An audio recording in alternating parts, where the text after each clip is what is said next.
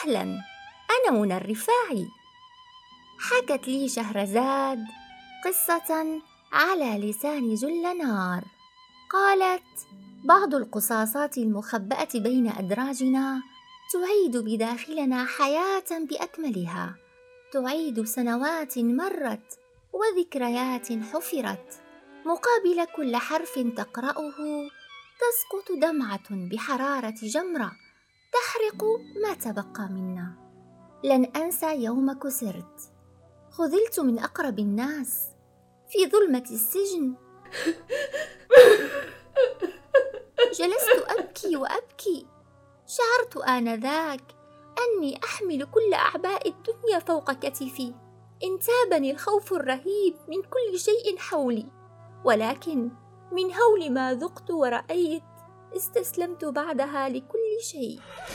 لم تعد تؤلمني سنوف الحرمان ولا سياط السجان. الذي كلما رآني نظر بمكر وقال بدك حرية؟ لك نتحملي. حالة نفسية مزرية وعزلة كاملة عن العالم مرت بها جلنار ذات الثلاثين ربيعا بعد خروجها من السجن. تتحدث جلنار عن أول يوم من أيام خروجها من المعتقل. بدأت أستقبل زائراتي من نساء الأقرباء وأسمع حديث بعضهن السيء عني أو عبارات تحث على الشفقة وتؤكد أن لا مستقبل لي بعد الآن. عندها تمنيت لو أنني بقيت داخل المعتقل بدلا من سماع تلك الأحاديث من أناس ظننتهم سيستقبلونني بالفرح والفخر. لذلك فضلت غصة كتمان أهوال ما رأيت ولا الندم على البوح. وتتابع. زادت أقاويل الناس وكلامهم عني بالسوء أو بالشفقة وكان الكلام يصلني أحيانا وأسمعه بنفسي أحيانا أخرى.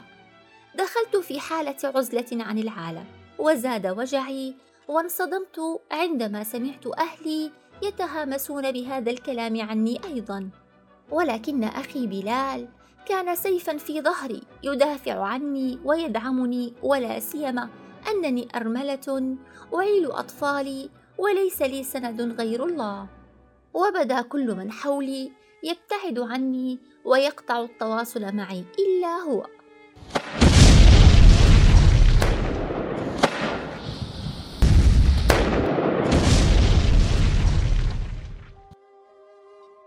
أن استيقظت ذات صباح على دوي القنابل وصراخ الأرامل وعويل الرياح. لقد كان قصفا عنيفا طال بيتنا واستشهد أخي وسندي به. سيبقى هذا اليوم هو اليوم الأصعب في حياتي. فقدت نصف روحي فقدت جزءا من قلبي. رحل فكان رحيله أكثر الأشياء وجعا. أخي رحمك الله. وعوضني بلقائك في الجنة. مرت ثلاثة أشهر ولا زلت أتخيل أن موتك مجرد حلم وأنك على قيد الحياة. أتذكرك فأبتسم مرة وأبكي ألف مرة. انصرفوا جميعا وتركوني وحيدة في هذه الحياة. فمن يداوي قلبي المجروح؟ من سيأخذ بيدي إلى بر الأمان؟ على من أتكئ؟ من سيواسيني ويداويني؟ آخ يا أخي لقد كسرت ظهري. وتكمل جلنار تمر علي أيام صعبة جدا. لا يوجد كسرة خبز في المنزل. وأنام باكية. وشعور الحسرة والألم يتملكاني لقد كان أخي يوفر لنا بعض ما نحتاجه. ومع الوقت بدأت أفيق من هول المصاب وأرمم الجراح وصرت أبحث عن عمل يعيلني واستعدت ثقتي بنفسي لكن حياتي كلها قيد الكتمان فلا أستطيع الكلام أبدا حتى لا تتفتق الجراحات. ولكن في أحيان كثيرة أنفجر بالبكاء دون سبب. هناك بحة مميزة تصيب من يتقنون فن الصمت ففي حنجرة واحدة يجتمع الورود والألم والهدوء.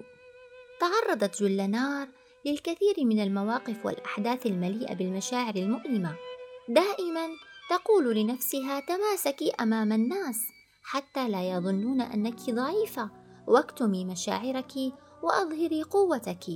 ظلت جلنار تكابد حزنها وتكتم مشاعرها إلى أن سقطت مغشيا عليها بعد نوبة ضيق نفس أصابتها أسعفت للمستشفى على إثرها حيث قال الطبيب معها متلازمة القلب المنكسر بسبب المشاعر التي تتخزن والمواقف المتراكمة فوق بعضها وكتمانها.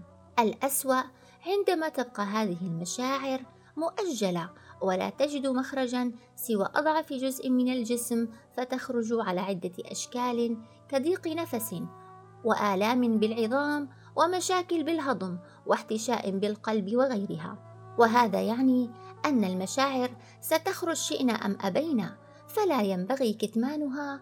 ومن الأفضل أننا نعبر عن مشاعرنا بطرق صحية. الحزن إن لم تخرجيه بنفسك سيخرجه جسمك عن طريق الأوجاع والأمراض المختلفة. أصيبت جلنار بنزيف حاد وتوقفت عندها الغدة الدرقية وأصابها تضيق بشرايين القلب. هي الآن تعيش بيننا بجسم عجوز معتله وهي ما زالت في ريعان الشباب. علينا أن نتكلم مع من نثق بهم ونشاركهم ما بداخلنا قبل أن تتراكم المواقف عندها يتكلم جسمنا بطريقته الموجعة ومهما كان الماضي قاسيا في حياتنا فهو جزء لا يتجزأ منها ويستحيل التخلص منه بكبسة زر تمحوه من حياتنا. فلنأخذ منه العبر. ونتعلم من أخطائنا ونطمح لمستقبل أفضل من دون أن ننسى أن نعيش الحاضر. فكل مرحلة في الحياة هي ذاكرة جديدة سنتركها خلفنا ونحن ماضون في قطار العمر السائر بنا. وهنا سكتت شهرزاد عن الكلام المباح حين صاح الديك معلنا أن الصباح قد لاح والليل يشد الرحال مفسحا للنور المكان وقلبي المعلق قنديلا ينتظر حكايا شهرزاد.